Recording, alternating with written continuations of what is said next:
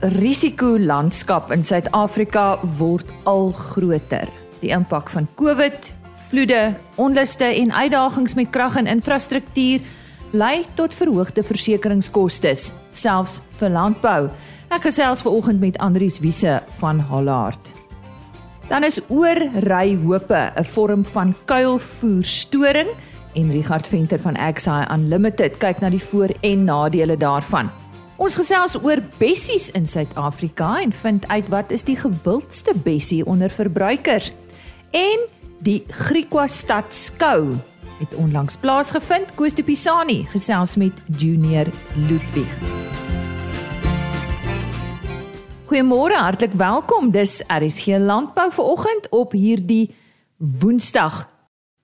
Met die COVID-inperking van die afgelope 2 jaar wat in die laai gebeure is, is die skoue op die platteland besig om toe te neem en dit is duidelik dat die landbougemeenskap 'n groot behoefte het om met mekaar te kuier. Die Griekwa Stadskou het vanjaar 'n rekord aantal inskrywings en besoekers gehad. Koos de Pisani het hierdie skou wat ook 'n baie groot sukses was bygewoon en hy het met die voorsitter van die skou Junior Ludwig gesels om uit te vind hoe dit afgeloop het en ook wat die skoukomitee se toekomsplanne inhou. Griekostad het 2 jaar lank nie kon skou hou nie. En dit was uh, eintlik 'n hartseer saak geweest vir die gemeenskap want die skou is 'n groot deel van die gemeenskap se sosiale um, aktiwiteite. Maar vanjaar um, het dit gereën en almal is opgewonde en die Griekse stadskou was eintlik 'n groot sukses geweest. Ek het selfs vandag met Junior Ludwig, uh, hy is die voorsitter van die van die skou, uh, om bietjie uit te vind hoe dit toe afgeloop. Junior, um, wat het die skou behels en hoe voel jy oor die uh, skou nadat alles verby is? Kom ek vir jou so sê, dit is 'n um, groot voorreg geweest. Soos jy sê na 2 jaar wat ons dit nou weer kon aanbied. Dit is 'n sukses ook. Die boere is lus vir so iets weer. Ehm um, ons het goed reën gehad, party plekke bietjie te veel dalk, maar niemand kla nie. Ons vat soos ons dit kry. Ons het regtig 'n goeie opkoms omdat ons die Noord-Kaap Kampioenskappe vir die boerbokke aangebied het. Ons is bevoorreg om ook die SA teelers en die savannas en die boerbokke hier te hê. So ja, dit is eintlik 'n SA skou gewees kan ons maar sê. Ons het so 620 bokke in totaal gehad. Dis nou die boerbokke en die savannas saam. En toe het ons ook 'n kuddeskou vir die dorpers gedoen. Hulle was so 150 diere, dis nou manlik en vroulik. En dan 'n interras beeskou wat ons so 35 diere gehad het. Ehm um, ons is baie gelukkig, regtig. Ons kan ons eintlik maar knyp om seker te maak dat ons die droom het. Die interras beeskou eh, was my nogal interessant. Jy het ook 'n baie goeie spreker gehad wat ook die beoordelaar van die van die beeste was. Maar wat het julle laat besluit om 'n uh, interras beeskou te hou. Wie hy vroeër jare was ons wêreld nogal bekend vir redelik baie stoetboere wat nou elkeen sy eie stoetery gehad het, maar ja, omdat ons nie regtig bees wêreld was nie. Dis nou maar die laaste paar jaar wat ons bederf geraak het met baie reën wat die manne begin bees toe geskuif het en ja, die ongediertes het ons ook maar gedwing. Ehm um, met elke ouma met 'n 'n dier begin boer wat dan net 'n kalf kan gee. So elke ou het maar wat vir hom die beste werk, daai tipe bil opgesit en dis hoekom ons toe nou by ander maar met verskillende rasse en om almal te akkommodeer het ons nou maar die interras. So hulle skou te mekaar maar onlik teen homself ook. Verjaar se skou dink ek het, het baie goed afgeloop. Dit is dit lyk soos mens met die mense ook gesels. Almal is baie opgewonde en baie uh, begeesterd oor die skou. Maar wat is julle toekomsplanne vir volgende jaar? mag ek nou stout wees en sê groter en groter tot grootste. maar ja, ons ehm um, het omdat ons groot dorperteelers ook in die area het, het ons nou al gepraat. Ons wil hulle het ons maar al die jare aan die gang gehou die dorpermanne dat ons wil so 1 jaar dorpers doen want die boerbokke het SA al om die tweede jaar ehm um, kampioenskappe so dan wil ons kyk of ons nie elke tweede jaar boerbokke streekskampioen kan aanbied en dan die jaar daarna dorper streekskampioenskappe te kan doen nie. Dit is maar waarna ons mik. En ja, as ek my sin kan kry, gaan ons nog weer saalperde ook doen.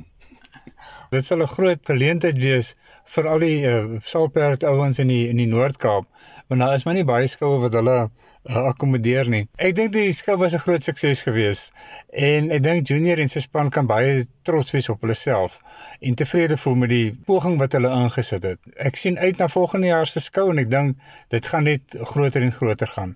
Ek is Koos de Pisani vir RC Landbou op Freekostad. Nou toe ek jonger was, was bessies nie iets wat jy sommer op 'n winkelrak gesien het nie. Maar deesdae kry ons alle tipe bessies in Suid-Afrika. Ek het by die kaasfees vir Jabulani Chikara raak geloop. Hy's van Berries Express. Ek het met hom oor hierdie besigheid gesels en oor die bessies in Suid-Afrika. Hoe gewild dit raak en watter een is die gewildste? How did you get involved in berries? Yo, it's funny story. You know, I've got a background in finance. So I was working for Momentum for about seven years. Then from there, I met someone who owned a bigger business than me, company called Seafruit. So I actually, how do how do you start a business? You know, so from there she said, look, why don't you invest a little bit in your company, which I did, and didn't work out.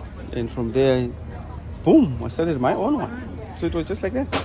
And where do you get your berries from? Yeah, so it's all South African. If you look at your blueberries, you get it from George, Mosobai. If you look at your raspberries, blackberries, you get it at Grabo. Strawberries, you get it here in Stellenbosch. Gooseberries, you get from Montagu. And cherries, you get from cities. So it's all over South Africa. Right. Yeah. And do you find it's a difficult business to be in? I mean, it's such a fresh produce, and it's it's it's a sensitive fruit. Absolutely. Yeah, so for the fruit, we don't complain because remember, with the food safety, everything must be in place. So our license is not for us to touch the fruit, pick the fruit. The farmer takes all the uh, risks. So farmer sends to us packed, packaged in pallets. Then we just label the pallets, distribute to whatever retail stores or customers that buy. Yeah. And South Africans, they enjoy berries. Oh my goodness, I've never seen so many people love berries, especially these South Africans. They are crazy about berries. You Why know. do you think so? Look, berries is uh, healthy. You know, this, uh, this is the healthy food, healthy snack, healthy drink. You can make smoothies, you can make jam, you can make snack it as a, you know, as a fresh fruit. So you, you can eat, even eat it as frozen. So there's a lot of variety with, with berries. Yeah. And I mean, you've got quite a few berries. So what what is the what is the popular berry in South Africa? Of course, blueberries. Of course. We call it the king of the antioxidants. Yeah. Blueberries are the are the best. Yeah. Are the best, yeah. And it's the first time you're at the cheese festival. No, no, not at all. So I was there the first time in 2017. Then we stopped because of the COVID. And then last week we were in Darling. And then today we are here again at uh, Sendringham Farm. And what do you hope to to achieve here in the next three days? Yeah, so when I started my business, that was in 2016, most of my leads came from the Cheese Festival because I met a lot of owners who owned restaurants, who owned cafes, private customers, business people. So those opened up my door. So yeah, it's more like for leads. That's all you're looking for, and people just And mm. what are the questions people ask you, just for interest's sake, when they come and visit your store? How do they taste like? Then I say, there's a samples. Taste. They know how the berries taste because we've got a lot of cultivars in South Africa. They taste different, so they will really like to taste first. you know. And do you think the people are becoming more aware of the healthy benefits of berries, and that's why uh, the market is growing? Yeah, so we've got two people in South Africa. Believe me, we've got the whiteys that they know what the berries are, and then we've got the blacks like me who are like when they come to taste like it's sour for them. So we've got two people. The white culture they know what a berry is like. They know the prices even, you know. So it's two different cultures that we we, we supply. And I think people often wonder why it's an expensive product. I mean, you get blueberries these days when it's in season, season at quite a reasonable price. But a berry is something that is expensive. Why? Right. So that's where I came into the picture. With the berries, the farmer makes berries. He supplies me. I supply to the retail store. You, as a consumer, buy from the. So now we, as Berries Express, we are making you guys not supp- uh, not buy from the third party. So we are eliminating the third party. So you are buying straight. You know that's why we are much much cheaper. Plus, besides, berries are seasonal. So when it's off season, they are very, very expensive. Yeah. But I think the production of berries is also not an easy farming with berries, and that's why there's also a bit of Yes. money involved. Yes, definitely. Because if you look, for example, blueberries, it takes four to six years for a blueberry to start harvesting. So if you're a farmer, you must wait four to six years. So that period also makes the fruit a little bit more expensive. And it's weather sensitive. Absolutely. And temperature sensitive. So, you know, we check all our temperatures. That's why we keep it in the fridge. These are just samples that are on the table. Yeah. En dit was dan uh, Jabulani Chigara wat so lekker oor bessies gesels het. Ek het hom daar by die SAK's fees raakgeloop en hy's van Berries Express.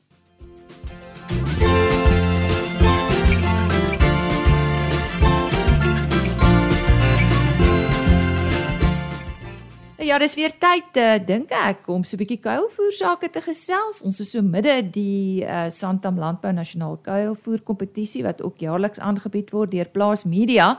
En ons kuilvoerkenner Richard eh, Venter is op die lyn. Richard, jy sê ons gesels hierdie maand en volgende maand oor kuilvoer stoorforme. Uh waarna verwys jy? Ja, ons het 'n klein mini reeks uh, aan mekaar gesit oor die vier hoof stoorvorms vir kuilvoer in Suid-Afrika. Ons begin dan nou by die by die hoope. Die boere praat sommer net van 'n kuilvoer hoop of die oorry hoop of dan nou die Engelse woord band. Hulle noem dit 'n kuilvoer band. Dan daarna gaan ons gesels oor bankers, gevolg deur silo sakke en laastens aan die woord gaan wees uh, kuilvoer bale. Dis nou toegedraaide bale. Maar kom ons kyk 'n bietjie na die oorry hoope of die die bands. Ehm um, dit kom natuurlik van 'n uh, beweging waar kuilvoerbankers nie noodwendig meer groot genoeg was nie. En boere het begin sê, "Wel, ons moet nou so baie kuilvoer maak, dit pas nie in ons bankers of ons kuilvoerslote nie." Maar uh dit toe begin ons die kuilvoer sommer net bo op die bo op die grond maak. So dis maar net 'n hoop waaroor ons ry met trekkers om hom te kompakteer en dan maak ons hom toe. Die ding is hierdie hoop het 'n het 'n hele paar uitdagings. Die rede hoekom ek ook by hom begin is omdat dit sekerlik die kuilvoer stoorvorm is met die hoogste persentasie verliese. Ehm um, heel eerstens het hierdie hoop 'n baie groot oppervlak tot volume verhouding. So het 'n baie groot bo-laag of buitelaag en dis natuurlik waar 'n groot klomp van ons verliese kan plaasvind. Ehm um, op 'n op 'n nat basis gemeet as jy die totale verliese vat, is die gemiddelde verlies op kuilvoerhoope ongeveer 18% en dit varieer tussen 15 en 25. Nou die sleutel tot suksesvolle kuilvoerhoope het eintlik baie te doen met die hellings waarteen ons hierdie hoope maak. As jy die hoop so styl sou bou met die ek praat nou van bou, dis nou maar die trekkers wat die kuilvoer mos nou opstoot en dit en dit versprei bo op die hoop sodat ons dit kan vasdrap.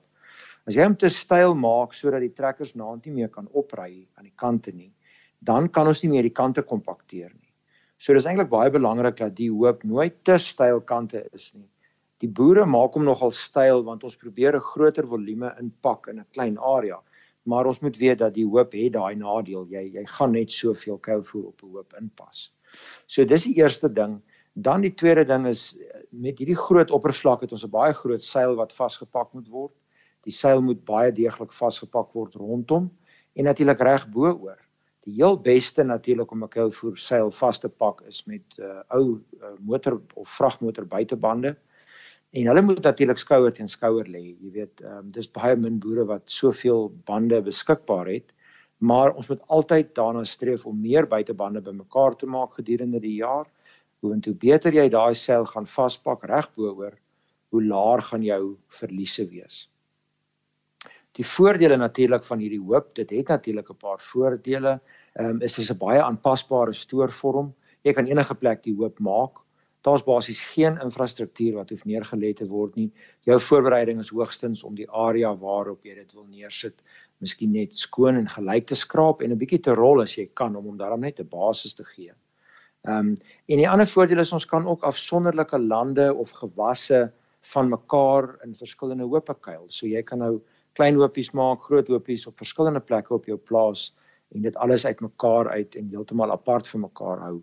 Ons moet natuurlik onthou dat die uh hope moet deurgaans besoek word deur die jaar. Die boere moet altyd by hulle gaan 'n draai maak vir alles hulle ver lê in in afgeleë afgeleë dele van die plaas Hulle moet toegespan wees sodat diere nie by hulle kan uitkom nie en dit sluit nou in uh, beeste wat dalk bo die hoop sou loop en dit sluit natuurlik in knaagdiere of wilde diere wat dalk kan gate maak in die seile.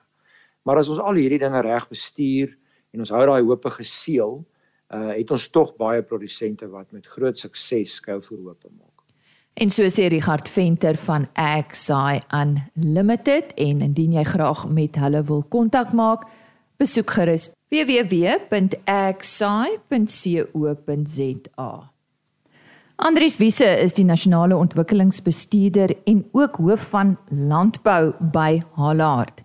Nou die risikolandskap, soos ek vroeër gesê het, het heelwat vergroot in Suid-Afrika. Ons dink maar aan alles wat die afgelope 2 tot 3 jaar in Suid-Afrika gebeur het. Onluste, COVID-19, vloede en dit wat nog vir ons voorlê.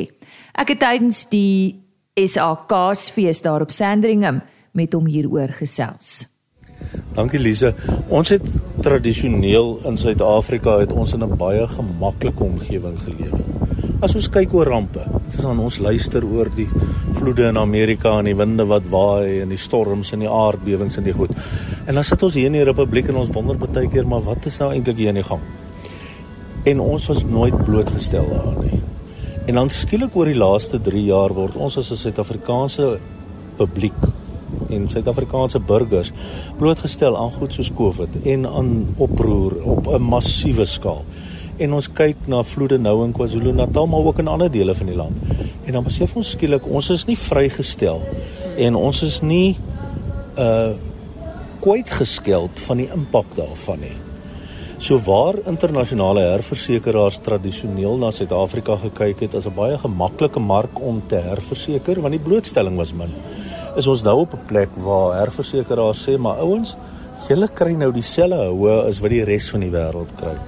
En of jy nou glo dis klimaatsverandering en of jy nou glo dis 'n hoër hand wat ingryp, maak nou nie saak hoekom jy dit glo nie. Die realiteit is daar's te veel water in KwaZulu-Natal. Die realiteit is daar's oproer.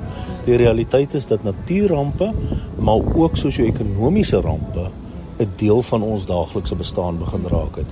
En die impak wat dit op die risiko-omgewing het vir versekerings, vir herversekerings, maar ek dink veral belangrik is op Jan publiek. Want al wat Jan publiek wil doen is hy wil sy risiko kan afdek na 'n versekeraar toe. En as 'n versekeraar nie daartoe in staat is om daardie risiko aan te neem nie, dan sit jy nou eintlik met jou hande in jou hare want waarheen gaan jy met dit waarvoor jy bang is? En dis die uitdaging waarmee ons tans sit. En dit binne 'n omgewing wat dan nou ook ekonomies onderdruk is. Jy weet ek hoef vir niemand te verduidelik dat die brandstofprys onbetaamlik hoog is nie. Ek hoef vir niemand te verduidelik dat die inflasiekoers op kos en op 'n kosmaatjie baie hoog is nie. Hier skoolgelde, elektrisiteitsrekeninge en so hou dit nou maar aan en aan en aan. En intussen is jou verhoging in terme van inkomste nie in lyn daarmee nie. Wat beteken dit raak al hoe duurder om te leef en jy het al hoe minder besteedbare inkomste om dit meer reg te kry. Nou, hoe bestuur iemand soos Halard so iets? Hoe help julle julle kliënte? Ek wil ons praat nou eintlik landbou op RSG landbou en ons ek dink alles wat jy genoem het het maar 'n impak op uh nie net 'n verbruiker nie, maar ook op landbou. So sit julle met julle hande in julle hare. Die van ons wat nog hare het, sit met ons hande daarin.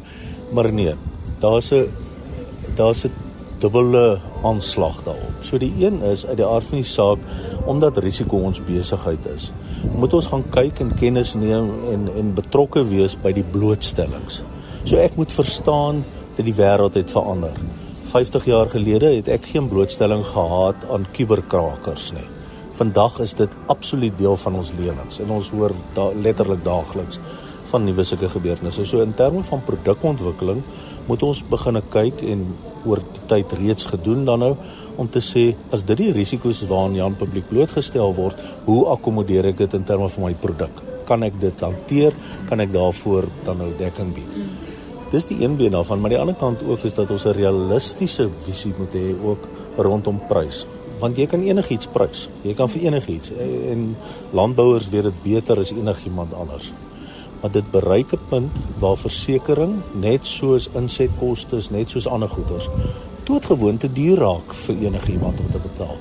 En en en dan kan jy die beste produk in die wêreld hê, maar dit gaan nie 'n oplossing hê nie.